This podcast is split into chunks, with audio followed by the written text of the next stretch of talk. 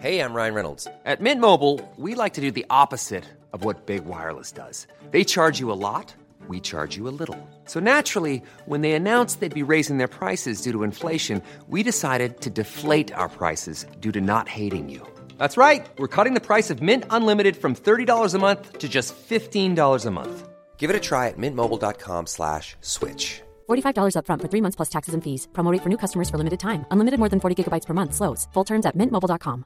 Even on a budget, quality is non-negotiable. That's why Quince is the place to score high-end essentials at 50 to 80% less than similar brands. Get your hands on buttery soft cashmere sweaters from just 60 bucks, Italian leather jackets, and so much more. And the best part about Quince, they exclusively partner with factories committed to safe, ethical, and responsible manufacturing. Elevate your style without the elevated price tag with Quince. Go to quince.com slash upgrade for free shipping and 365-day returns. Burrow's furniture is built for the way you live.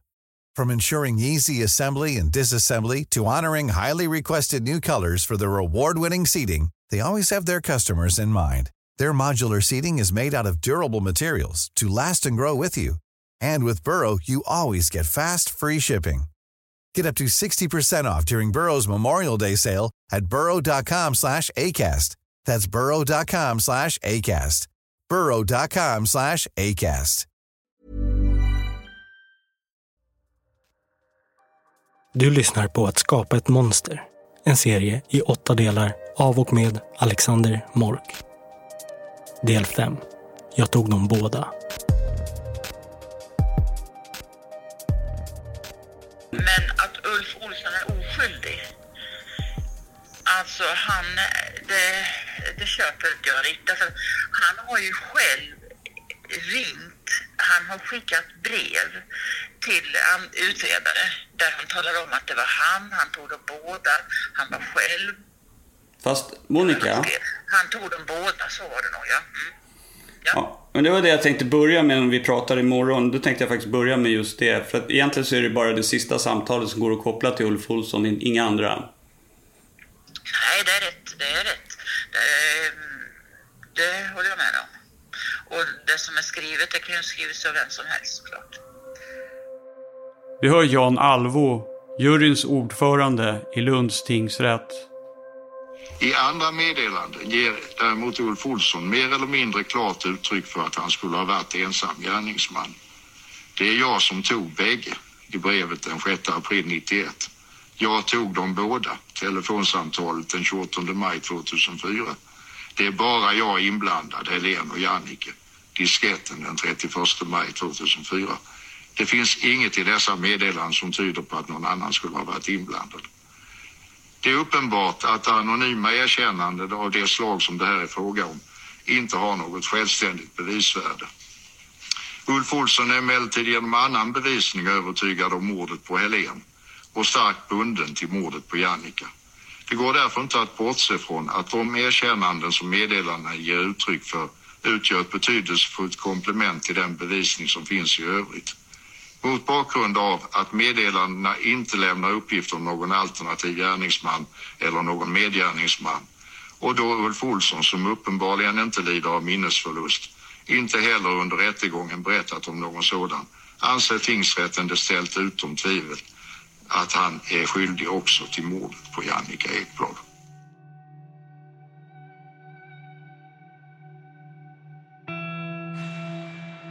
Fenomenet att en mördare hör av sig till polisen med kryptiska tips sker ibland i böcker och filmer. När mördaren är så säker på att den inte ska åka fast att hen söker extra spänning och därför leker med polisen genom att ge dem ledtrådar. Kanske tänker jag framförallt på David Finchers film Seven från 1995. Där mördaren John Doe har en plan från första början och lämnar meddelanden till polisen på brottsplatsen. Men nu har vi alltså ett fall där liknande händelser utspelar sig i verkligheten i den lilla skånska småstaden Hörby 1989. En dubbelmördare hör av sig till polisen via anonyma erkännanden. En katt och råtta-lek som pågår i över 15 år tills Ulf Olsson slutligen anhålls i juni 2004 och åtalas för morden. Men det som skiljer sig från fiktionens värld är att vi aldrig får veta varför gärningsmannen hörde av sig till polisen i alla år.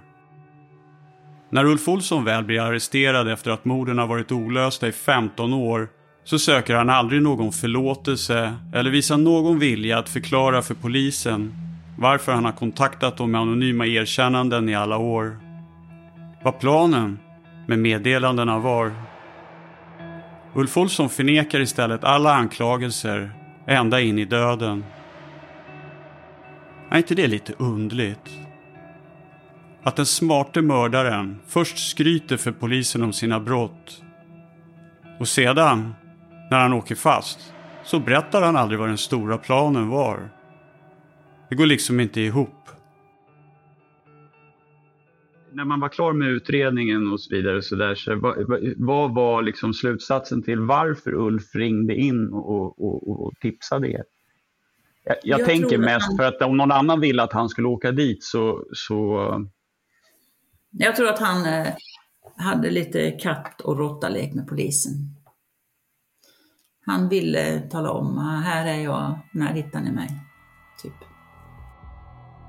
I domen mot Ulf Olsson i Lunds tingsrätt kan man läsa Sammanfattningsvis är det som hittills redovisats inte tillräckligt för att binda Ulf Olsson till mordet på Jannica Ekblad. Åklagaren har emellertid som bevis åberopat också de anonyma erkännanden som vid olika skeenden av förundersökningen inkommit till polisen och som åklagaren vill knyta till Ulf Olsson genom den utredning som redovisas med avseende på det beslagtagna simkortet och vittnesuppgifter om Ulf Olssons besök i Kalmar får det ses som helt klarlagt att Ulf Olsson den 28 maj 2004 ringde samtalen till Per-Åke Åkesson i Malmö. Det är därmed uppenbart att det i sammanhanget avsända brevet med diskett till polis i Eslöv också kom från Ulf Olsson. Vidare framgår det av innehållet i meddelandena att det är en och samma person som har tagit kontakt med spaningsledningen genom brevet till polisen i Eslöv den 26 september 1989 samt telefonsamtalen till Alfa Andersson den 6 april 1991 och den 29 november 2002. De anonyma samtalen och breven som jag läste upp i domen anförs alltså som bevis för att Ulf Olsson ska ha mördat både Helene Nilsson och Jannica Ekblad. Det är det indicium som bildar en beviskedja och sammankopplar morden till en och samma mördare. Helen och Jannica, jag tog dem båda. Utan det indiciumet kan inte Ulf Olsson dömas för något av morden.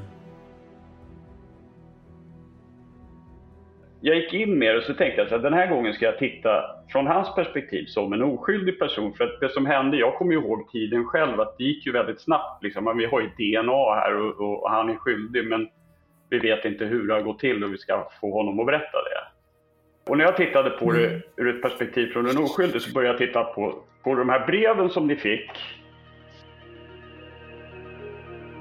Vi ska i det här avsnittet gå igenom alla dessa brev och samtal som åklagare Per Andersson i sitt åtal menar att Ulf Olsson ska ha skickat till polisen under tidsperioden 1989 till 2004. Och vi kommer att göra det i kronologisk ordning. Men innan vi gör det vill jag säga att till skillnad från polis och åklagare så tror inte jag att Ulf Olsson har ringt några av de samtal eller skickat några av de brev som vi kommer att gå igenom. För precis som jag har påvisat med mordet på Jannica Ekblad så finns det spår av flera olika gärningsmän och framförallt så finns det inget motiv. Alla dessa samtal och brev som polisen har mottagit har jag i min utredning istället kommit att betrakta som ledtrådar i jakten på en annan gärningsman än Ulf Olsson. Min teori är att det är flera olika personer som har hört av sig till polisen genom åren och av helt olika anledningar. För jag har sedan en tid misstänkt att det finns två mördare som gärna ser att polisen istället ska leta efter en ensam mördare. Som ni kommer att märka har personen som hör av sig till polisen olika dialekter olika tillvägagångssätt och olika historier att berätta för polisen. Första kontakten med polisen sker den 26 september 1989. Drygt en och en halv månad efter mordet på Jannica Ekblad får polisen i Eslöv ett brev som består av utklippta bokstäver från Expressen med ett kryptiskt meddelande. Men, men samtidigt liksom, det är lite barnslig... barnslig läs upp, jag kommer inte ihåg. Jo, den jäkla ensamheten och mobbad av, på jobbet av tjejerna. Mordet på Helen och Jannica, varför? Ruvar på hämnd. Och så är hämnd felstavat. Mm. Det mm. ska vara medvetet. Sen står det ju i, i, i analyserna i FUPen då att... Eh... I polisens psykoanalys av brevet kan man läsa Texten i brevet är sammansatt genom att ord och bokstäver klippts ut från tidningar etc. och har sedan klistrats upp på ett papper. Fingeravtryck har ej kunnat säkras på brevet. Psykolog Barbro Roslund, som har gjort analysen och som även var den person som höll i hypnosförhöret med Ulf Olsson 2004, menar att brevskrivaren bör vara en mycket noggrann person eftersom att han har kunnat undvika att avsätta några fingeravtryck under klistringsarbetet. Man kan också dra slutsatsen av att han inte kan stava riktigt. Det föreligger åtminstone två stavfel. Detta kan visserligen vara medvetet för att vilseleda, men Barbro får inte uppfattningen att brevskrivaren är så van att uttrycka sig i skrift. Brevskrivaren förefaller inte vara särskilt gammal. Ordet tjejer används mestadels av unga människor. 1. Brevskrivaren kan tänkas vara en person som drömmer om att föröva ett sådant brott. 2. Det kan också vara en person som vill hjälpa till att lösa såväl mordet på Helen och Jannica. Han tror att hon har förövats av samma orsak. 3. Det kan också vara mördaren som har skrivit brevet. Uttryck såsom jävla ensamhet kan tyda på detta. Han uttrycker också att han inte har någon kvinna och att han är mobbad av tjejerna på arbetsplatsen. Han ger ett ynkligt intryck, tycker mycket synd om sig själv. I de förhör med personer som kan misstänkas ha med mordet att göra bör vi lägga märke till deras ordval. Huruvida de använder ordet tjejer för kvinnor vid förhör. Dessutom bör deras känsla för att tycka synd om sig själv förstärkas på alla sätt. Det kan underlätta för en eventuell gärningsman att erkänna. om jag skulle vara mördaren här så, jag menar det har ju ni i ert arbete redan gått igenom. Jag menar det är väldigt tydligt att någon vill att man ska tycka att det finns en mördare, inte två mördare. Så min första känsla skulle ju vara att det är två mördare när jag får en sånt här brev. Varför skulle mördare skicka brev till polisen utan att ha en agenda? Ja, jag vet inte. Ibland så fick jag känslan av att det var lite eh, som katt och råttalek. För att i och med att eh, han skickade brev och han, påstår jag nu, har ringt och så. Och han har även ringt under tiden vi höll på med utredningen eh, till, du vet den här som eh, våran chefs namn. Ja.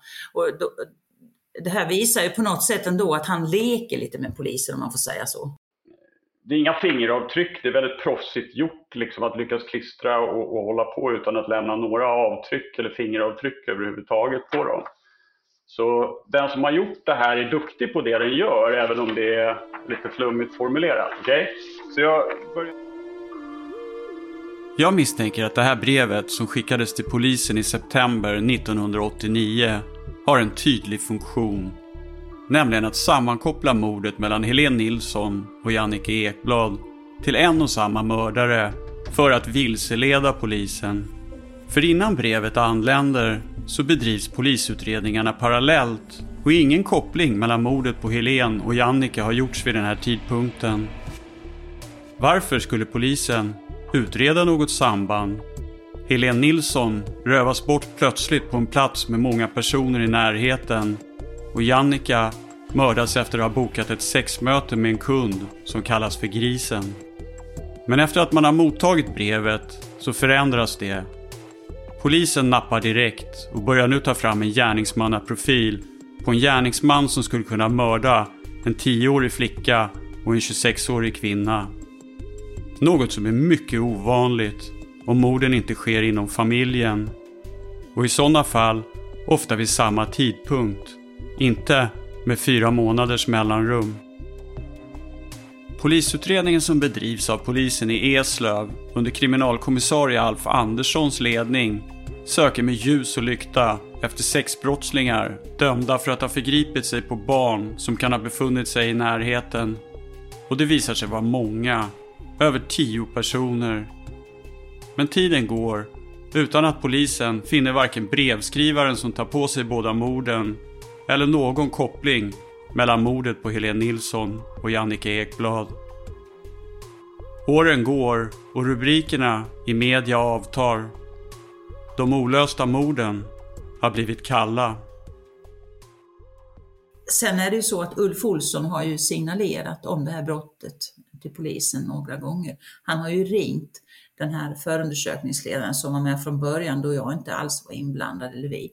Och då har han ju ringt från eh, en telefonkiosk och sagt att det var han. Och sen har, eh, ja, sen har man kommit fram till att han ringde från Malmö.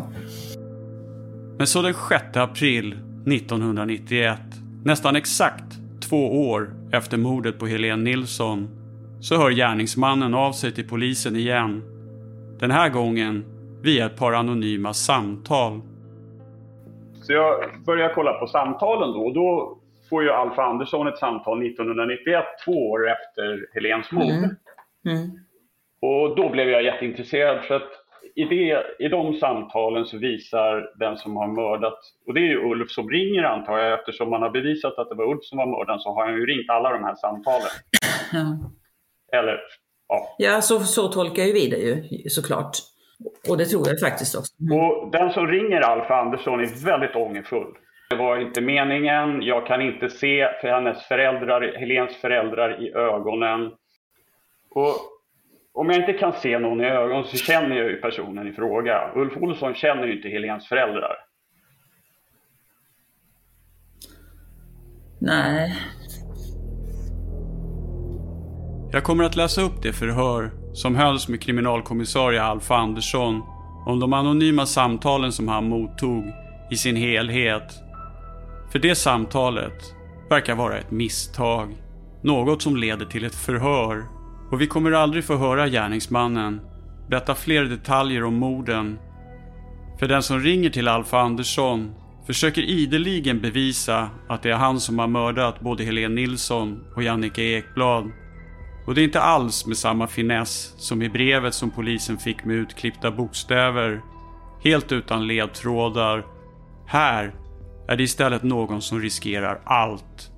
Någon som ringer direkt till en kriminalkommissarie. Någon som blottar sig. Lördagen den 6 april cirka klockan 18.30 mottog jag i min bostad ett telefonsamtal från en okänd man. Samtalet började med att mannen tvekande och med flera pauser sa Jag vet inte vad jag ska säga. Jag är så jävla ensam. Ensam och mobbad på jobbet.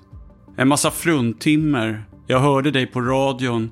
Tyckte du verkade ärlig. Ringer för att du inte ska fortsätta med alla de andra du misstänker. Du har aldrig pratat med mig. Jag har aldrig gjort något brott tidigare. Brevet med de utklippta bokstäverna postade jag utanför centrallasarettet i Kristianstad. Bokstäverna kom från Expressen. Ångrar mig så in i helvete. Oförlåtligt. Fullständigt ensam. Inga släktingar. Det som du sa om släktingar passar inte in på mig. Fråga. Har du sökt kontakt med präst, kurator eller liknande? Sådana har jag inget förtroende för.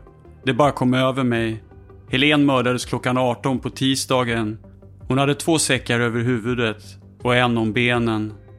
Jannika var drogad, hade en spruta med sig. Jag blev aggressiv, tål inte att någon använder knark. Såväl Jannika som Helens kläder är uppeldade. Helen låg med huvudet ut mot vägen.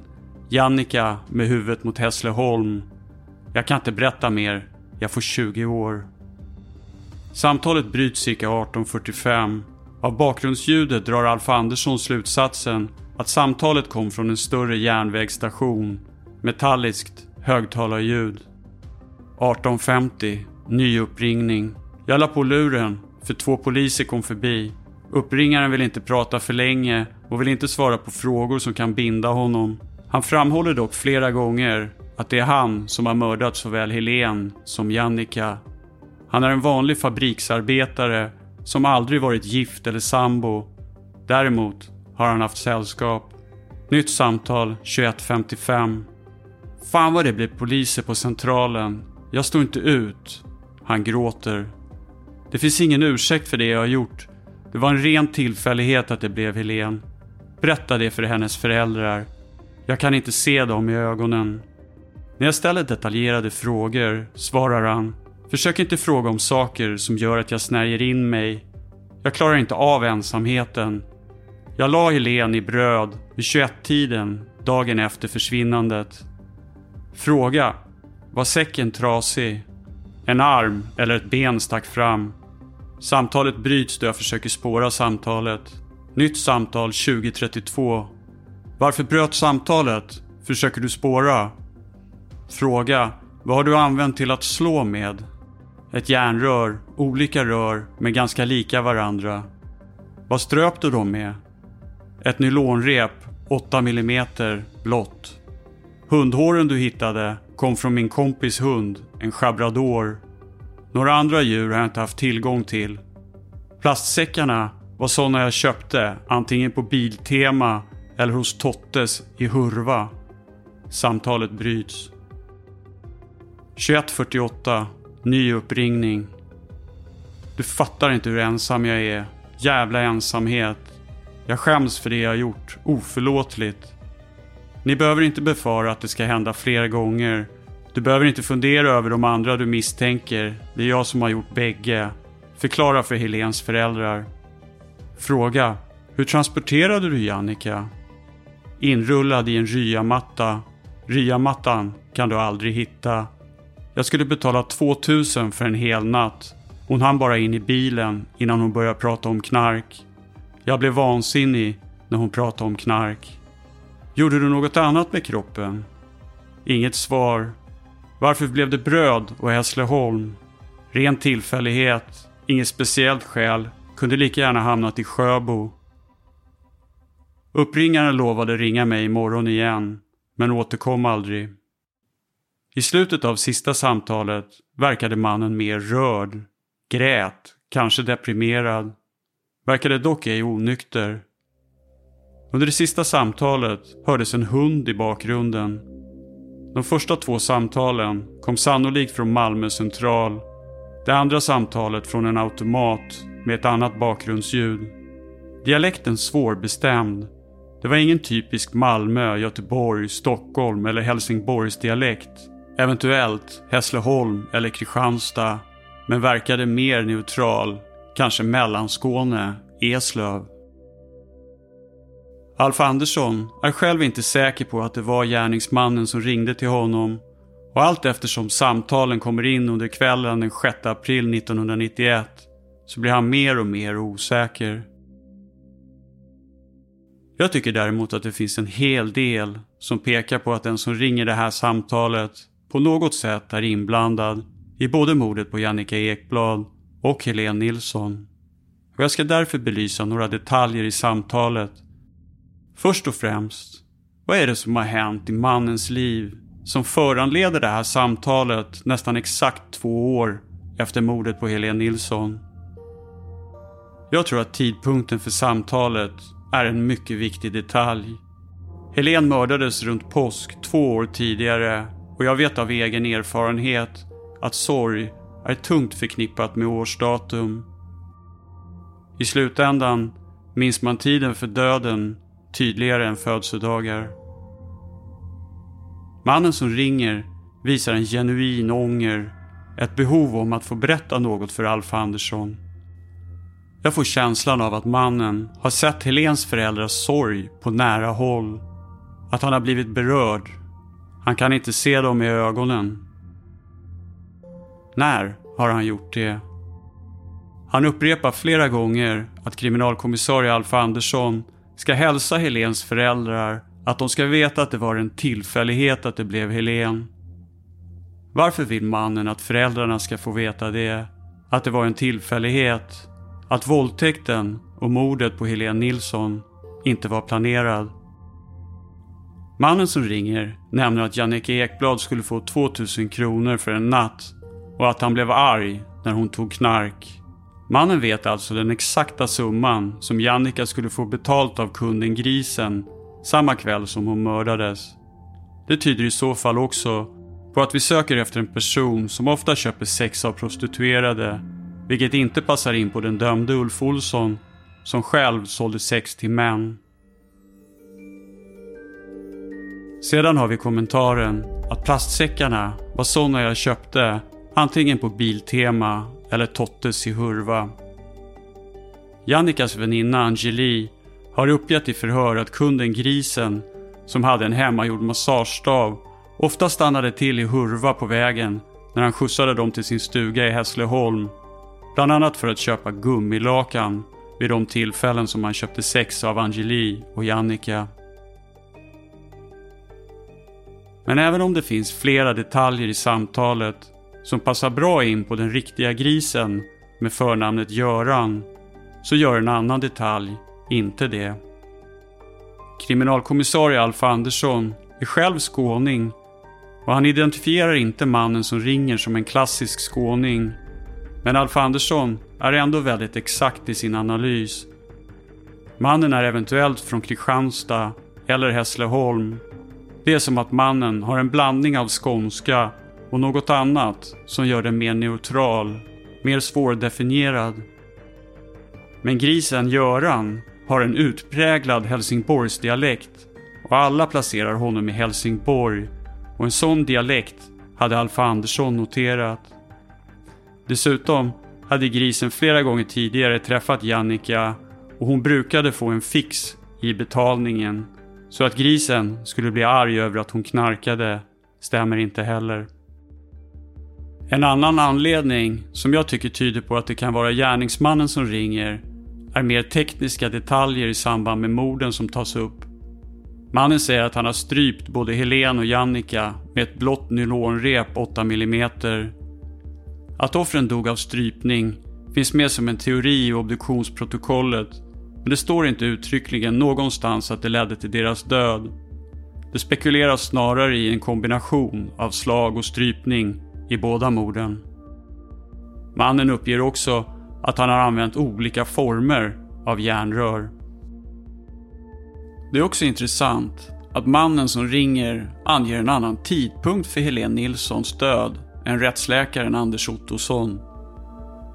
Helene försvann måndagen den 20 mars klockan 19.20-19.30 och enligt rättsläkarens beräkningar dog Helene någon gång mellan onsdagen och lördagen den 25 mars.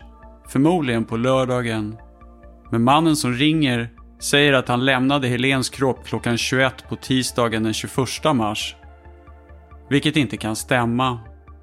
För den kvinna som fann Helens kropp invirad i plastsäckar hade plockat vitsippor i samma område och på torsdagen den 23 mars klockan 12.30 fanns det inga plastsäckar där.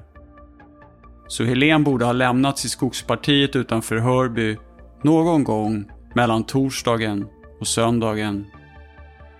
Kanske uppger mannen medvetet fel tid för när Helen lämnades ifall någon har sett honom där mellan torsdagen och söndagen. Samtidigt kan Helen inte varit inspärrad av gärningsmannen i flera dagar om hon dog på tisdagen, en dag efter sitt försvinnande. Efter brevet till polisen 1989 och samtalet till Alf Andersson 1991 ska det dröja hela 11 år innan gärningsmannen hör av sig med nya tips till polisen. Och i samma veva så, så, tar ju Ulf kontakt med er och säger att nej, nej, nej, släpp dem där för det är jag som är mördaren. Ja, jag kommer inte ihåg riktigt när han tog den kontakten. Det var ju Den här gången sker det kort efter att polisutredningen om mordet på Helene Nilsson efter många år återupptagits under hösten 2002. Anledningen till att fallet öppnades upp igen var att kriminalkommissarie Per-Åke Åkesson reagerade på information i förhör som hölls 1989 med två ungdomar. Två kusiner som hade varit i närheten av Helene Nilsson samma kväll som hon försvann. Och i slutet av oktober 2002 häktades kusinerna skäligen misstänkta för mordet på Helene Nilsson. En dryg månad senare, den 29 november 2002, får den pensionerade kriminalkommissarien Alf Andersson åter ett anonymt samtal. Jag har ju gått igenom de där samtalen och jag, jag, det, det, finns ju ett samtal, som jag, eller ett brev och, och, samtal som jag verkligen inte tror Ulf Olsson har ringt och det är när de här två kusinerna sitter häktade. När, när ni får ett brev om så här, Tommy Falk tvingade oss att göra det.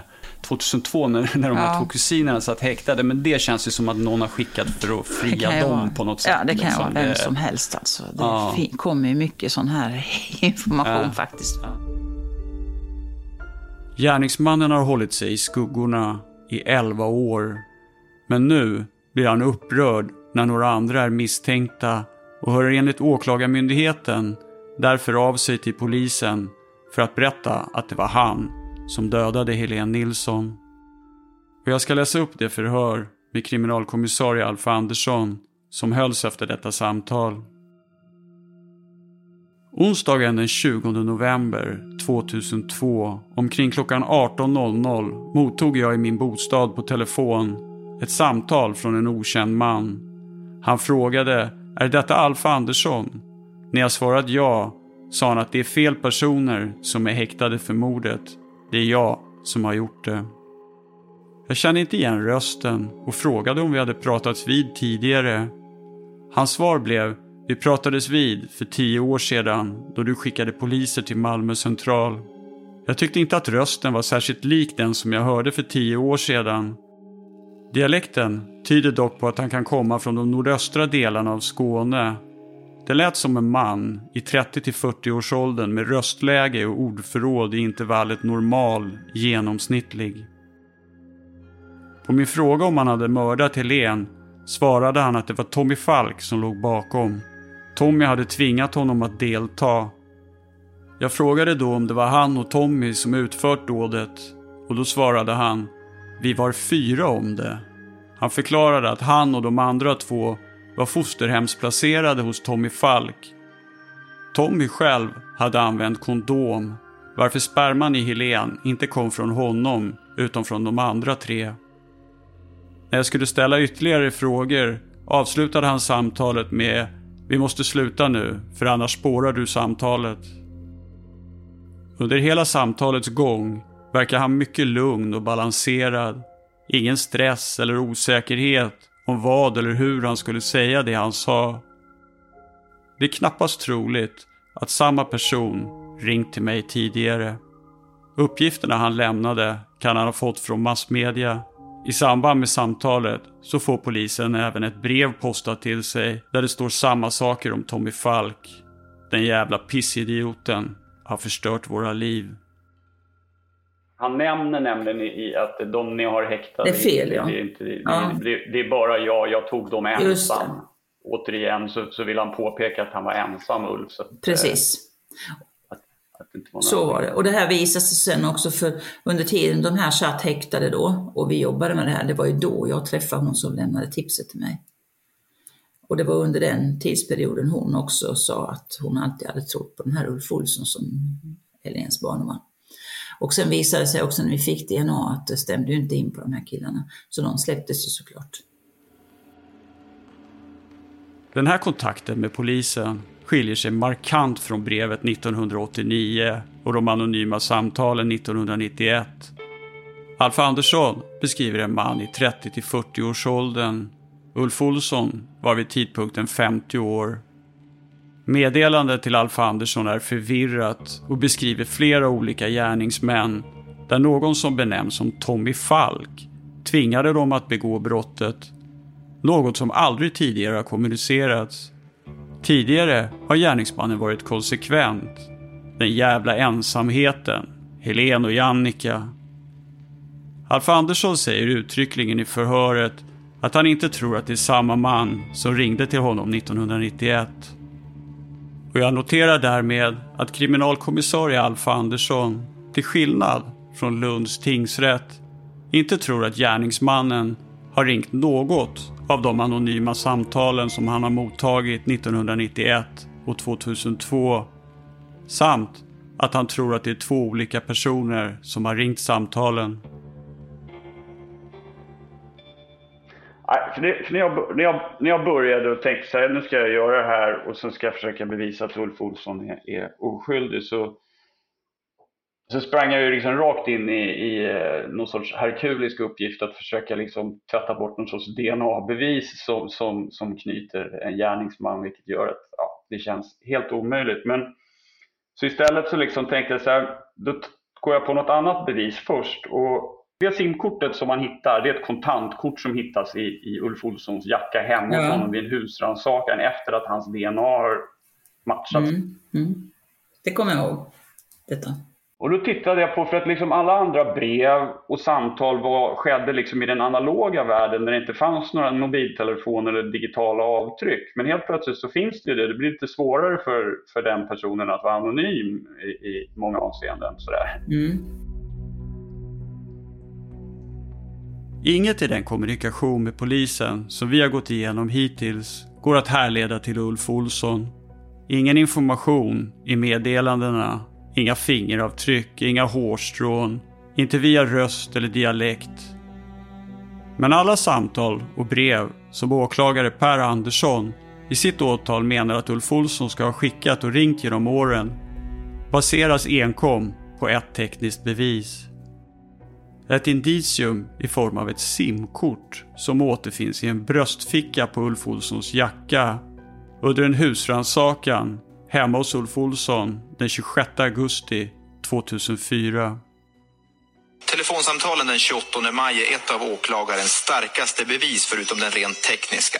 För på Åkessons nummerpresentatör hittades ett telefonnummer som var knutet till ett telefonkort som sedan hittades hos 52-åringen. Samtalen till Åkesson har enligt mobiloperatören ringts via mobilmaster i Kalmartrakten. Och under eftermiddagen ska vittnen förhöras som ska bekräfta att den misstänkte fanns i Kalmar vid just de tillfällena. Åklagaren menar att man därför kan anta att all annan kommunikation till polisen också kommer från Ulf Olsson. Vilket jag anser vara ett helt orimligt antagande. Jag har tidigare nämnt hur indicier fungerar, att de får sin funktion först när de samverkar. Och nu blir det ännu mer komplicerat. För nu blir det indicier på indicier på indicier. Så det blir extremt viktigt att det inte finns några frågetecken eller tvivel kring simkortet. Eftersom att allt i åtalet byggs på just det indiciumet. För precis som tidigare, faller ett så faller alla. Och till min fasa hittar jag omgående massa tvivel kring simkortet. Burrow is a furniture company known for timeless design and thoughtful construction and free shipping. And that extends to their outdoor collection. Their outdoor furniture is built to withstand the elements, featuring rust-proof stainless steel hardware, weather-ready teak, and quick-dry foam cushions. For Memorial Day, get 15% off your Burrow purchase at burrow.com slash ACAST and up to 25% off outdoor. That's up to 25% off outdoor furniture at burrow.com slash ACAST. Everyone knows therapy is great for solving problems, but getting therapy has its own problems too, like finding the right therapist, fitting into their schedule, and of course, the cost. Well, BetterHelp can solve those problems. It's totally online and built around your schedule. It's surprisingly affordable too. Connect with a credentialed therapist by phone, video, or online chat, all from the comfort of your home. Visit betterhelp.com to learn more and save 10% on your first month. That's BetterHelp H E L P. Millions of people have lost weight with personalized plans from Noom, like Evan, who can't stand salads and still lost 50 pounds. Salads, generally, for most people, are the easy button, right? For me, that wasn't an option. I never really was a salad guy. That's just not who I am. But Noom worked for me. Get your personalized plan today at Noom.com. Real Noom user compensated to provide their story. In four weeks, the typical Noom user can expect to lose one to two pounds per week. Individual results may vary. När vi började jobba med det här så eh, var det så att det var en som ringde till en pensionerad polis i Malmö som heter Per-Åke också. Och våran eh, grupp, våran chef i våran grupp hette också Per-Åke Åkesson men bodde inte i Malmö. Och den här Per-Åke i Malmö då får det här samtalet och då är det en man som säger att ja, det var jag, det var jag som tog dem båda och han var, jag var själv. Det säger den här personen till Per-Åke Åkesson i Malmö. Det är den 28 maj 2004 och klockan är 18.43 när det ringer hemma hos den pensionerade kriminalkommissarien Per-Åke Åkesson i Malmö. Samtalet varar i cirka fyra minuter. Mannen ringer sedan ännu ett kort samtal 2012 som varar i 35 sekunder och avslutar samtalet med att säga Nu är allt klart. Men så ändrar han då tonen och säger så här att eh, Helen med en låg röst. Och då gör jag upprepningen Helen.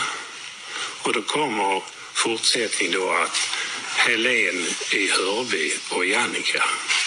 Jag tog dem bägge. Per-Åke Åkesson får frågan om han känner igen rösten men är väldigt tveksam eftersom rösten ändrade tonläge under samtalen. Det enda jag kan säga är att häromdagen så hörde eh, min fru ett referat i radion. Din fru kände igen rösten, Ja, men, men du kan inte Jag känner igen rösten. Men du kan inte själv göra Nej, det kan jag inte göra. Sen var det saker inom polisen som gjorde att det här aldrig kom till vår kännedom, det här samtalet. Inte förrän Ulf greps och i hans jacka i lägenheten hittades ett simkort. Och det kollade vi givetvis simkortet. Och då visade det sig att på det här simkortet hade han ringt just till den här Per-Åke Åkesson i Malmö. Och därför tog vi kontakt med Per-Åke Åkesson och frågade vad han ville, vad han sa. Och då fick vi veta om det här samtalet. Det som Monica berättar är en mycket viktig detalj i min egna utredning. För när man tittar på gamla fall i efterhand så blir tidslinjen mer överblickbar än när det händer här och nu under en utredning. Man kan i efterhand finna detaljer som inte går ihop rent tidsmässigt. När polisen till slut får kännedom om samtalet till fel Per-Åke Åkesson så är det den 16 september 2004 och Ulf Olsson har då suttit häktad i nästan tre månader efter DNA-träffen den 23 juni 2004. Och jag skulle vilja be er att minnas det. För det innebär att simkortet och samtalen är okänd information för polisen fram tills dess. Något som kommer få en stor innebörd när vi kommer att skärskåda nästa kontakt med polisen från gärningsmannen som kommer i form av en datadiskett. Men vi kommer snart dit. Just nu, i september 2004, när man återfinner och analyserar simkortet så leder fyndet till att Monica och hennes kollegor får i uppgift att försöka finna bevis för att Ulf Olsson befunnit sig i Kalmar den 28 maj 2004. Och vi får en ganska klar bild av vad som hände den dagen. Dagen då Ulf Olsson enligt Åklagarmyndigheten till slut, efter 15 år, av okänd anledning ska ha ringt till fel Per-Åke Åkesson och erkänt morden på Helen och Jannica. Mobiltelefonen har varit registrerad i Kalmar, men han bor ju inte i Kalmar. Grejen är så här att det här är alltså sista samtalet till polisen. Det är tre veckor innan jag åker fast. Och jag ringer till er.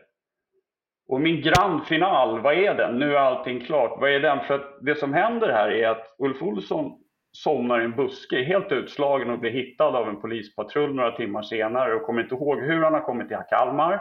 Han kommer inte ihåg någonting egentligen. Eh, polisen tycker att han är tillräckligt vid medvetande så de tar inte med sig honom. Men det är två tjejer som, som, som hjälper honom. Alltså Ulf ligger ju där och hans hund Atta springer runt med någon sorts väska med vatten och grejer runt omkring sådär och är orolig för Ulf. Och då erbjuder tjejerna då den här våldsamma mördaren att komma hem till dem och sova med sin hund. Och det tackar han ja Just till. det. Ja. För jag kommer ihåg det här med tjejerna och att han var full. Det kommer jag ihåg. Men Ulf Olsson han drack ju sig full emellanåt. Ja, men det gör, det gör många människor utan att mörda människor. ja, du. Ja, det gör Eller ja. Men Tidpunkten för samtalen är besynnerlig. De rings nämligen drygt två veckor innan Ulf Olsson möter Monica Olhed och blir topsad för mordet på Helene Nilsson den 9 juni 2004. Vilket innebär att när samtalen rings så vet inte ens Ulf Olsson om att han är misstänkt för mordet på Helene Nilsson. Ulf Olsson ska enligt åklagaren alltså ha ringt och erkänt morden till fel Per-Åke Åkesson och uttalat att nu är allt klart och sedan firat något så våldsamt i Kalmar att han till slut däckat i en buske i centrum där han återfinns av en patrullerande patrull klockan två på natten. Polisen uppger att Olsson inte verkade märkbart berusad eller förvirrad. Han var dock inte speciellt talför. Han sa att han var trött och vilade i buskarna. En av de unga kvinnor som är närvarande när polisen anländer heter Malin. Hon erbjuder Ulf Olsson nycklarna till sin lägenhet. Han och hans hund Attas får sova över där medan hon själv sover hos en kompis. Tidigare på dagen, runt 16.00, har Malin även registrerat Ulf Olsson vid järnvägscentralen i Kalmar där han och hans hund, golden retrievern Attas, gjorde några trick för barnen. Ulf Olsson la en godisbit på Attas nos, så satt Attas stilla och väntade på kommando. Malin tillfrågas också om hon vid tillfället då hon var tillsammans med Ulf Olsson i Kalmar aktuell dag vid något tillfälle såg om denne hade antingen en kamera eller mobiltelefon. Men hon kan inte minnas att hon har sett varken mobiltelefon eller kamera. Innan Ulf Olsson dagen efter, den 29 maj 2004, åker tillbaks hem till Vimmerby kommer han på morgonen att skriva ett tackbrev till Malin och hennes kompis som hjälpte honom och som han fick låna lägenheten av. Hej flickor! Vet inte hur jag ska kunna tacka er, men ni har varit så underbart snälla och givit mig och min hund natthärbärge. Jag är tyvärr en fattig man, men kommer ni upp till Vimmerby och turistar, då ska ni få nyttja min lägenhet. Jag är tyvärr inte uppkopplad på nätet, men jag kan gå till bibblan och kolla. Återigen, tack för att ni tog hand om mig och min hund. Ulf underscore o at spray.se jag har kollat igenom Ulfs liksom, ekonomi. Mm. Han har liksom typ levt på a-kassa hela sitt liv. Han har aldrig några pengar. Och I hans egna bok säger han så här, jag, jag har ingen aning om hur det där simkortet hamnar i min jacka. Men jag kan säga så här, att om jag skulle köpa ett kontantkort, då skulle jag köpa ett för 50 kronor om jag bara ska ringa några samtal till polisen. Inte ett för 250 kronor. Så jag tror det är lite som att mördaren har gjort en liten miss att pengar är inte en issue på samma sätt som det är för Ulf.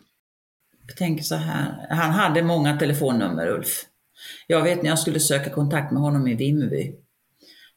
Det var flera nummer jag ringde men inget stämde. Polisen i Vimmerby var uppe och besökte honom och då fick jag ett korrekt nummer till honom. Eh, Men han hade ju sex med män hela tiden. Det är klart att han måste ha olika nummer och hemligt för att skydda dem också. Så att det finns en poäng med det. Ulf Olsson skriver i sin egna bok Utan rättssäkerhet. Jag är övertygad om att uppgifter om vem som hade bett mig komma till Kalmar och varför fanns bland mina e-postmeddelanden. Därför bad jag min försvarare och utredarna att undersöka dessa, vilket de inte gjorde. Jag var ofta i Kalmar men hade svårt att veta om det var den 28 maj 2004. Inte förrän fyra månader efter att jag hade häktats bad de om mina e-postadresser. Men konton som inte används på tre månader avslutas. Varför fick jag inte min e-post genomgången innan dess? Vad kunde vara orsaken till att man inte genast såg till att studera mina kontakter med omvärlden via nätet? Med tanke på brottets karaktär borde det vara högprioriterat. Jag har utan framgång försökt få svar om ett konto spray skulle avaktiveras 2004 om det inte använts på tre månader. Men det är en annan sak som är intressant med det Ulf Olsson uppger om sin mail. Ulf Olsson satt häktad i tre månader innan simkortet analyserades och informationen om att mailkonton avaktiveras hos Spray borde därför ha kommit från hans försvarsadvokat Sven Järnryd. I åtal, förundersökningsprotokoll och de transkriberade förhören med Ulf Olsson kan jag bara hitta ett enda mail som redovisas och det har skickats från Ulf Olssons sprayadress till den Malin han får låna lägenheten av i Kalmar och det har man hittat via hennes hotmail. Varför har man inte under en förundersökning som pågått i tre månader inte ens kollat den misstänktes mail? Att det här simkortet, första gången som det liksom aktiveras, det används ju bara fyra gånger för fyra samtal. Första gången det aktiveras så görs det på Öland, Mörbylånga färjeläger. Eh, jag vet inte att Ulf har varit på Öland den kvällen. Vilken datum var det så? Det är samma. 0528 18 43 21 så registreras ett fyra minuters samtal från Öland, Mörbylånga Mm. färjeläger. Vad är det som är underligt med Öland egentligen? Att det första samtalet rings från Öland. Varför? Varför kan, varför kan han inte vara där när han ringer första samtalet? Ulf var ju väldigt speciell på många sätt. Ja, nej, så att det bara aldrig nämns någonstans överhuvudtaget. Eller, eller inte ens någon som ställer en fråga om det. Eller han pratar inte om det. Liksom. Nej, men han kanske är Han ska frågan. redogöra för hela kvällen och, och vittnen när de har sett honom. Liksom, så är han ju i Kalmar vid den tidpunkten. Liksom. Ja, men han kanske, det är mycket möjligt att han är tillfrågad om han var, var han var när han ringde där. Men han har kanske inte berättat var han var. Det som är undligt med att det första samtalet kopplar upp sig mot mobilmasten på Öland är att det inte finns några vittnen som placerar Ulf Olsson på Öland. Och det innebär alltså att åklagaren, utan att redogöra för hur det har gått till, menar att Ulf Olsson, efter hundtricket klockan 16.00 vid Kalmars tågstation, på något sätt tagit sig till Öland för att ringa det första samtalet till den pensionerade kriminalkommissarien Per-Åke Åkesson klockan 18.43 för att sedan omgående återvända till Kalmar för att ringa ännu ett samtal som nu kopplar upp sig mot vattentornet i Kalmar klockan 20.12. Ulf Olsson har inte kört bil till Kalmar och att åka buss till Mörbylånga på Öland tar 45 minuter enkel väg. Om jag nu ska ringa till polisen och jag har ett simkort. Så här, varför somnar jag i en buske med simkortet på mig i min jacka? Varför lägger jag inte simkortet i någon annans jacka? Varför, varför ska jag behålla simkortet? Ja, men det, simkortet fanns i Ulf Olssons jacka som han brukade använda när han var ute och gick med sin hund i Vimmerby. Den kände folk igen, hur han var klädd. Den här hundjackan som han alltid gick och hade på sig med det här simkortet. Varför ska någon ta sig till hans lägenhet och plantera in? Han hade ju nästan Nej men det har de inte gjort. Det gjorde de ju, det gjorde de ju när de hade ringt samtalet i Kalmar. Han har ju bara inte vetat att man, Nej. simkort är ju jättelitet. Det vet ju inte att det ligger där. Nej. Det är ju liksom så här. Du ser ju inte det om du Jag förstår. knappt och Jag stoppar ner en ficka. Ja, ja, att- ja, jag fattar. Men ja, jag, ja, jag har svårt att tro det. Jag har mycket svårt att tro det. Jag måste säga att jag personligen har svårt att förstå hur man i en domstol ens kan godkänna simkortet som bevismaterial utan att samtidigt bevisa att Ulf Olsson var på Öland 1843 den 28 maj 2004. Domstolen godtar simkortet som bevis eftersom att man har beslagtagit det hemma hos Ulf Olsson. Ett beslag som görs tre månader efter att Ulf Olsson anhållits. Men som med många av de andra samtalen och breven som jag har gått igenom i det här avsnittet så bedömer tingsrätt och hovrätt att åklagarmyndigheten inte behöver redogöra för alla detaljer kring samtalen. Ett samtal har uppenbarligen ringts från Öland. Varför säkerställer man då inte att Ulf Olsson var på Öland vid den tidpunkten? Men ingenstans utreds det. Man låtsas som om det aldrig ringdes något samtal från Öland. Det passar inte in i åklagarmyndighetens teori. Man nöjer sig med att Ulf Olsson var i Kalmar den dagen och dömer en människa till livstidsfängelse. Okej. Så jag... Jag gick tillbaka och så tänkte jag på det här med DNA. Så tänkte jag så här, om jag... För grejen är så här att om, om jag har rätt med telefonsamtalet, att det var en annan person som ringde dem och la ett simkort i fickan och drogade Ulf Olsson i Kalmar, så måste de dels de måste ju, han måste ha stämt möte med Ulf på något sätt. Så det borde finnas spår i mail eller telefon med någon som han i närheten har haft någon kontakt med innan. Eh, om den här människan är väldigt, väldigt smart. Jag tror att den riktiga gärningsmannen som ringer de här samtalen till fel Per-Åke Åkesson har haft lite för bråttom. Han har gjort ett misstag. Varit lite för ivrig när han aktiverar simkortet och ringer från bilen som är på väg till Kalmar från Öland. Och klockan 18.43 kopplar simkortet fortfarande upp sig mot mobilmasten i Mörbylånga på Öland. Kanske har mannen jag söker landställe på Öland. Kanske arbetar mannen dagtid eftersom att samtalen rings en fredagkväll. Det passar schemat. Dels om vi pratar bevisningsmässigt här så borde det vara rimligt att om det inte var Ulf som eh, ringde samtalet från Möland mm. så borde mm. den andra personen ha stängt av sin riktiga telefon innan och då borde den ha varit aktiv minuterna innan 1843. Telebolagen de sparar ju uppgifter. Jag, nu är det ett tag sedan, men när jag jobbade så var det sex månader hos vissa. Någon hade ett år kanske. Jag menar, du kan inte få ens en aktuell mordutredning längre bakåt i tiden. Mm. Idag vet jag inte hur det ser ut, men 2004 kan vi glömma. Det är jag helt övertygad om.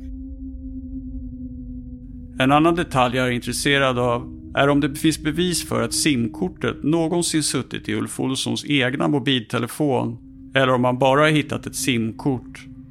För några sådana bevis går inte att utläsa varken i dom eller förundersökningsprotokoll. Idag är det ju så här. Eh, får man in ett simkort så kollar man, aha, kolla simkortet, vilken telefon har det suttit i? Ja, då får man så kallade ett IMI-nummer på telefonen. Det är telefonens identifieringsnummer Eh, identifieringsnumret på simkortet är ett IMSI-nummer. Då kan man se vilken telefon har det suttit i. Jaha, då ser man IMI-numret. Och så kan man titta på det IMI-numret på den telefonen och se vilka mer simkort har suttit i den. Och så kan man gå vidare så här, det kan man göra idag. Men du kan inte få historiska uppgifter långt bak i tiden, det går inte, inte ens idag. Men det borde, då borde man väl kunna kontrollera om det simkortet någonsin har suttit i Ulf Olssons telefon? Ja, men det kunde man, jag kommer inte ihåg om man kunde göra det då. För Nej, 2002, ja. ja. men idag, de uppgifter finns inte lagrade på det här sättet. Och på den tiden så fanns det ju inte de här smartphonen som det finns nu. Därför kunde man inte göra hur mycket undersökningar som helst. Jag kan ju tänka mig att det var en Nokia eller något sånt där, du vet de gamla telefonerna. Mm. Och jag, jag är förvånad om, om man inte har gjort den kollen då, vilken telefon det har suttit i. Det tror jag absolut att man har gjort. Ja, det står inget om det. Det står bara att man hittat simkort. Liksom. Det mm. kopplas mm. inte i fuppen på något sätt eller är det någon dom Det kanske inte gick att göra på den liksom, tiden. Det kanske inte gick att göra på den tiden. Mm. För om det hade gått så borde man gjort det. Alltså... Jag kontaktar kriminaltekniker Tony Andersson för att se om han var med när man fann simkortet i Ulf Olssons bostad. Ja, det jag var inte med då uppe i, eh, vad heter det, hans bostad där man hittade det här sim, eh, simkortet va. Nej, men analyserade du simkortet eller något sånt nej, där? Nej, nej, nej, nej, nej, nej, det gjorde jag inte. Sånt sysslar jag aldrig med. Nej. Det hade jag ingen kunskap om. Nej. nej. Man hittade ju det där uppe i någon, i någon kavaj och jacka och sånt där. Va? Ja. Då han, när han hade ringt ifrån Kalmar och det, ja det är det du menar där. Det, ja. Ja, det var bara en liten underlig grej att det där simkortet aktiverades på Öland, inte i Kalmar. Jaha, ja, ja, ja. ja. Men ni har, inte, ni har inte sökt någon som har haft landställe på, Kalm, äh, på Öland någon gång under utredningens gång? Nej.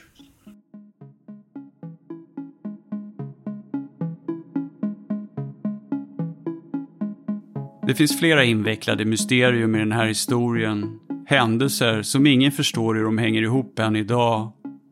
Och även fast samtalen med de anonyma erkännandena den 28 maj 2004 har anförts som bevis mot Ulf Olsson är det ingen som har kunnat förklara hans motiv till samtalen. Själv tror jag att det beror på den enkla anledningen att Ulf Olsson helt enkelt är oskyldigt dömd och att någon annan har ringt samtalen med erkännanden för att sätta dit Ulf Olsson för morden på Helene Nilsson och Jannike Ekblad. Men mysteriet med samtalen till fel kriminalkommissarie Per-Åke Åkesson återstår. Varför ringer mannen som vill sätta dit Ulf Olsson till fel Per-Åke Åkesson?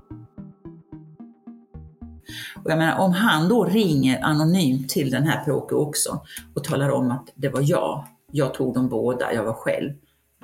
Va, finns det någon mer inblandad då? Nej, kanske inte. Han trodde ju att han ringde till vår Per-Åke och berättade. Tidigare har han alltid hört av sig till den rådade spaningsledaren i mordet på Helene Nilsson, vilket tidigare var kriminalkommissarie Alf Andersson. Men nu är det kriminalkommissarie Per-Åke Åkesson. Men istället ringer han till en annan Per-Åke Åkesson. En kriminalkommissarie som aldrig tidigare varit aktiv i polisutredningen om mordet på Helene Nilsson. Det är den felaktiga. Han ringde två gånger dit. Okej, två, två gånger. samtal. Och sen två till den riktiga Per-Åke Åkesson. Nej, han ringde aldrig till den riktiga Per-Åke Åkesson. Han har aldrig ringt till den riktiga Per-Åke Åkesson. Han trodde att han gjorde det det. Det blev lite knepigt det här med Per-Åke Åkesson i Malmö. För grejen var ju den att detta samtalet ringdes ju ett tag innan Ulf frihetsberövades. Och vi visste inte om det samtalet. Förrän vi hittade simkortet. Då visade det sig att samtalet ringdes till Per-Åke Åkesson i Malmö. Det såg vi på simkortet. Och då kontaktade vi Per-Åke Åkesson. Och jag åker ner och förhör honom. Och då berättar han också att han har gått i pension. Men när han fick samtalet så ringde han till kommissarien i beredskap på länskrim i Malmö och berättade om det här samtalet och innehållet, vad som sades. Kommissarien i beredskap tog emot det här samtalet från Per-Åke Åkesson i Malmö. Men han tyckte inte att det var något speciellt att eh, gå vidare med. För jag kommer ihåg att jag hörde den kommissarien också. Varför har han inte gått vidare med det här? Varför kunde han inte lämna det till gruppen som jobbade med, med Helénmordet? Mm. Men det gjorde han inte. Det stannade där. Ja. Därför kände vi inte till det här samtalet. Den Per-Åke Åkesson som mannen ringer till har också varit kriminalkommissarie i Malmö. Så det är såklart ett lätt misstag att göra. Men varför återupprepar han det i så fall igen klockan 20.12 en timme och 28 minuter senare när han återvänt till Kalmar från sin resa till Öland. För det här, det är liksom avslutningen. Den stora finalen. Efter att Ulf Olsson enligt tingsrätten har skickat anonyma meddelanden och undvikit rättvisan i 15 år. Men så ringer han till fel Per-Åke Åkesson. Snacka om antiklimax. Nej, men vänta, vänta. Den, det du säger, nu är det klart, det samtalet Per-Åke ja. Åkesson i Malmö. Och i ett av samtalen sa han också att eh, jag tog dem båda. Mm. Jag kommer inte ihåg om Men han det sa har han ju sagt hela tiden. Det, är ju så, ja. det vill han ju säga för att de är, för de är två stycken, minst. Vadå två stycken? Eh, jag ska komma till det. Ja, nej, jag, jag, tog dem båda, sa han inte det? De jo, men, precis. Jo, precis. Ja, han påpekade... Jag, då tänker jag att han menar Jannica och Precis, precis. Men det är ju det han vill att man ska tro eftersom eh, de inte ska leta någon annanstans. Jag tog dem båda. Så vad kan vara anledningen till att mannen ringer till fel Per-Åke Åkesson? För jag tror inte att det är ett misstag. Jag tror att det är mycket medveten handling. Den har två kontakter, Per-Åke och Alf Andersson, in, inlagda i sin, i, på simkortet. Är det enda, liksom. Så att den som har gjort det är teknisk, för det är rätt lätt att man sparar det på sin telefonboken eller någonting. Så det är en teknisk person som hanterar det här. Eh, faktum är att det nästan påminner om en polis och det är jätteobehagligt. Men Om jag var den som ringde de här samtalen och jag inte är Ulf Olsson så finns det faktiskt en situation där det är extremt riskfyllt för mig att ringa till den Per-Åke Åkesson som är spaningsledare i den aktiva utredningen om mordet på Helene Nilsson. En situation där det istället är genialiskt att ringa till fel kriminalkommissarie. Och det, det är om spaningsledare Per-Åke Åkesson av någon anledning skulle känna igen min röst om jag ringde till honom. Och det är det som jag tror är lösningen på mysteriet. För i så fall så var det alltid helt uteslutet för mannen att ringa till rätt Per-Åke Åkesson. Polis som hade hand om utredningen mellan 1989 och 1994, Alf Andersson, vittnar idag. Han har vid flera tillfällen fått samtal och brev från personer som erkänt morden både i början av 90-talet och för ett par år sedan. Här kan man inte direkt knyta något till 52-åringen, men det finns saker som tyder på att det kan ha varit han som gjort några av de anonyma erkännandena. Bara några dagar efter de anonyma samtalen till fel Per-Åke Åkesson så händer något mycket spännande. Den före detta spaningsledaren, kriminalkommissarie Alf Andersson, får efter pingsthelgen den 1 juni 2004 något så underligt som en datadiskett med posten. Och som vanligt finns det inga fingeravtryck. Undersökningsprotokoll 2004 06 21 Disketten har med hjälp av ett forensiskt program spegelkopierats och därefter undersökts. På disketten finns ett foto av Helene Nilsson och ett på den aktiva spaningsledaren, kriminalkommissarie Per-Åke Åkesson i Kristianstad. Båda bilderna har figurerat i tidningar genom åren. Det finns också ett meddelande i en Word-fil som döpts till “Det finns inget att säga.doc”. Hade jag aldrig blivit mobbad och trakasserad i Hörby grundskola hade det väl aldrig hänt. Det är bara jag inblandad. Helen och Jannike. Två stycken raderade filer anträffades också. perl.jpeg och en .tmp-fil. Inga av dessa filer gick att återskapa. En liten detalj också, så i ett av breven som kommer 2004 så, så skriver en Ulf Olsson så här att det här hade väl aldrig hänt om inte jag hade blivit mobbad och trakasserad på Hörby grundskola. Mm. Där gick ju han. Ja, han gick ju i skolan. Som jag nämnt tidigare så är samtalen till fel Per-Åke Åkesson vid den här tidpunkten okänd information för polisen när de får datadisketten. Det är först tre månader senare, i september 2004, som de får kännedom om samtalen. Och det, det är en mycket viktig omständighet för det innebär att informationen på disketten blir känd för polisen före samtalen. Polisen gör under juni och juli månad 2004 flera husrannsakan och beslagtar mängder med disketter och cd-romskivor hemma hos Ulf Olsson i Vimmerby. Men de finner ingen koppling mellan Ulf Olsson och datadisketten. Trots alla dessa undersökningar i Ulf Olssons bostad hittar polisen inget simkort i Ulf Olssons jacka. Datadisketten är unik på ett annat sätt. För all kommunikation som polisen har mottagit angående morden genom åren har skilt sig åt. Ibland är det en ensam gärningsman, ibland är det flera gärningsmän. Mannen som kontaktar polisen har flera olika dialekter och den som har skickat breven har under 15 års tid varit väldigt noga med att inte lämna några fingeravtryck eller spår för att kunna behålla sin anonymitet. Inga brev eller samtal har gått att härleda till Ulf Olsson på något sätt. Men nu tre veckor innan han blir arresterad så ska han ha hört av sig och erkänt via en datadiskett. Och han ger polisen för första gången information som betänkligt avgränsar sökandet efter honom. Han uppger nämligen vilken grundskola han har gått i. Hörby grundskola. Det är ju så att man tittar igenom och hittar grejer som är olika. Det är, så här, det är en uppgift om att han, han spenderade tid på Sankt Lars barnklinik 1968, Ulf, han hade svårt mm. hemma. Och, och Ja, det står precis samma sak som det står i brevet ah, i hans mm, journal mm, i Sankt Lars. Mm, mm, det är bara en mm. udda grej som jag reagerade på för att jag tycker det är exakt samma ordval, trakasserad. Man kanske har tillgång mm. till information som ni också har inom polisen. Varför skulle Ulf Olsson plötsligt, efter 15 år, vilja sätta dit sig själv? Varför inte bara skriva att han blev mobbad i grundskolan? Varför skulle han uppge sin egen grundskola?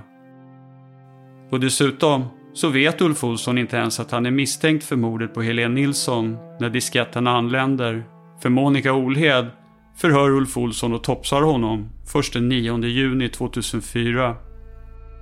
Och när jag läser igenom förhören med Ulf Olsson igen så blir allt ännu märkligare.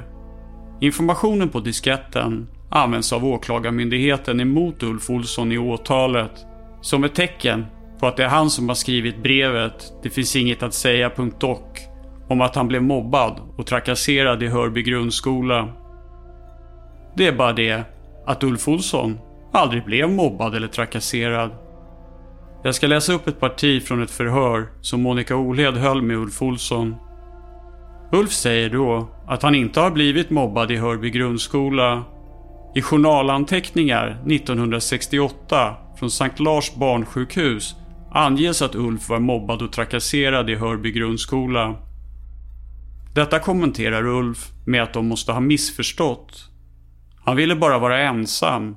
Eftersom att han ville vara ensam har de kanske tyckt att det var konstigt.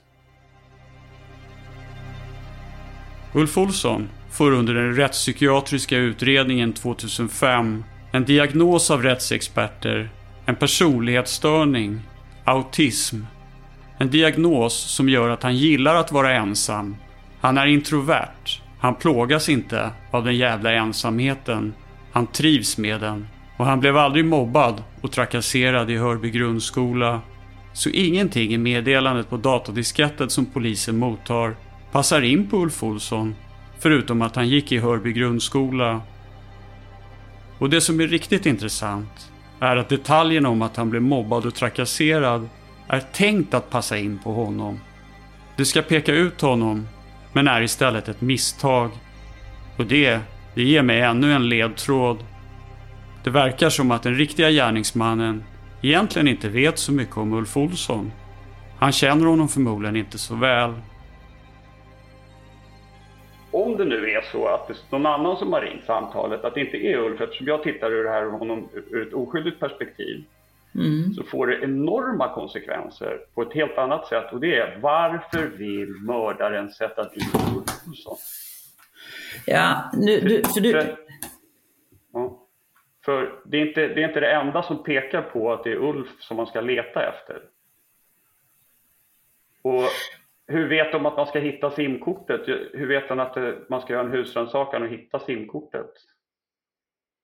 nej men alltså, du pratar ju nu utifrån perspektivet att Ulf är oskyldig. Och det gör inte jag. Jag tror inte att Ulf är oskyldig. Det tror jag inte. Därför att för det första, om någon, eh, alltså det här simkortet, det är ett litet, litet simkort och detta var ju ganska länge sedan. Det var inte så jättevanligt med teknisk utrustning just då i, i utredningen.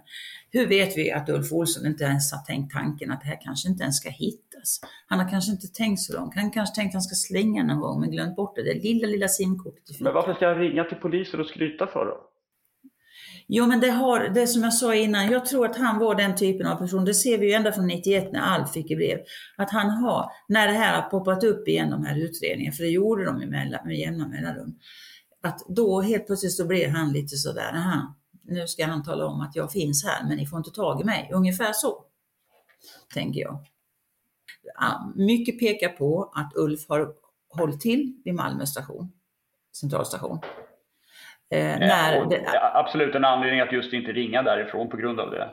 Nej, så tänkte inte Ulf tror jag. Jag tror inte Men, det. men, ni, men ni, ni liksom, som poliser så ger ni honom liksom så här mastermind-smarthet och han liksom kan allt och, och är iskall och säger ingenting. Men samtidigt så är han så här svinkorkad och liksom så här blir full Nej. och somnar med simkortet, ringer från konstiga ställen och säger Ja, men det är Ulf. Det är Ulf. Sån är han. Det var Ulfs person. Ja. Okej, ja men det är jättebra för det här är, det ska inte gå lätt det här. Det är inte lätta vägen. Men, men om, till mig så fick jag då kände jag så att okej, här är någon som har planterat en, en mobiltele, ett simkort för att liksom kröna allting och sen ringer man och säger nu är det klart, nu kan ni hitta honom, nu har jag gjort allting som jag ska göra.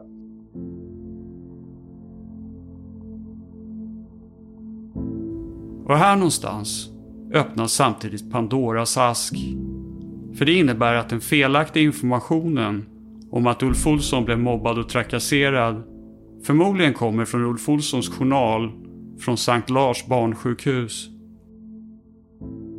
Och om jag bara för en sekund antar att Ulf Olsson är oskyldigt dömd så får jag per automatik reda på något annat om den gärningsman jag söker.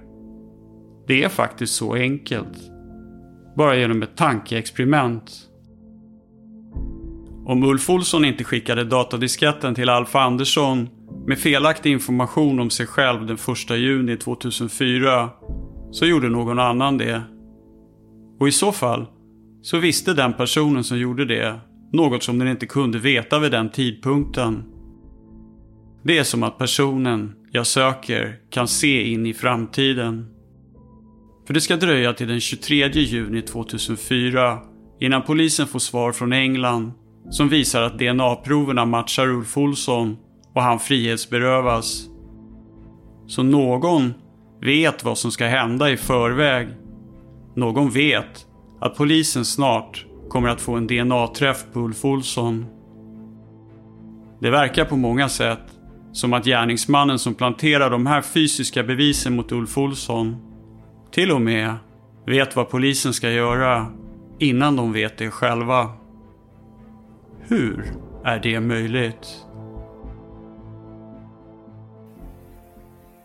Alltså nej men ärligt, jag, jag, jag tror du är ute, på, ute och reser om du ska tro, om du tror att Ulf är oskyldig. Jag tror det. Alltså det är för många komponenter. Ja, eller en väldigt skicklig person som vill att Ulf ska vara den som man ska hitta. Mm. Det är så jag ser på det. Men då får man se på den här skickliga personen då. Varför skulle den redan från brottet, brotten begicks 89 fram till 2002 med jämna mellanrum ha fått någon form av kontakt, tagit eller haft kontakt med Ulf för att plantera bevisning. Vad skulle motivet vara för att göra det hos den här skickliga personen? Ja, för att man aldrig ska leta efter honom. Alltså jag tror att de hoppa, den personen hoppades att man skulle få fånga Ulf 1989 eftersom han hade planterat spermier. Men eftersom inte ni gjorde DNA, det gjorde man ju i USA, men det gjorde man ju inte i Sverige, det kanske inte mördaren visste.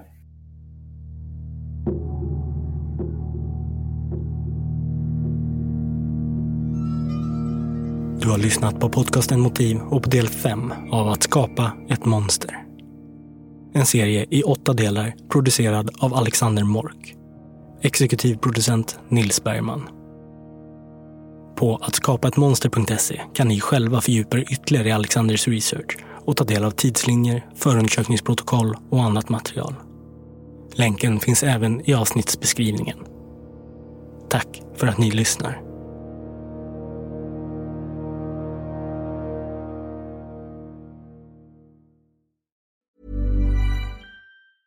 Even when we're on a budget we still deserve nice things. Quince is a place to scoop up stunning high-end goods for 50 to 80% less than similar brands. They have buttery soft cashmere sweaters starting at $50, luxurious Italian leather bags, and so much more. Plus, Quince only works with factories that use safe, ethical, and responsible manufacturing. Get the high-end goods you'll love without the high price tag with Quince. Go to quince.com/style for free shipping and 365-day returns. When you make decisions for your company, you look for the no-brainers. If you have a lot of mailing to do, stamps.com is the ultimate no-brainer. Use the stamps.com mobile app to mail everything you need to keep your business running with up to 89% off USPS and UPS. Make the same no-brainer decision as over 1 million other businesses with stamps.com. Use code program for a special offer. That's stamps.com, code program. Motiv är en Tall Tale produktion. Ansvarig utgivare är Jonas Häger. Och Motiv görs i samarbete med Lexbase. Ange rabattkoden MOTIV när du blir ny betalande medlem på lexbase.se och få tre kostnadsfria domar.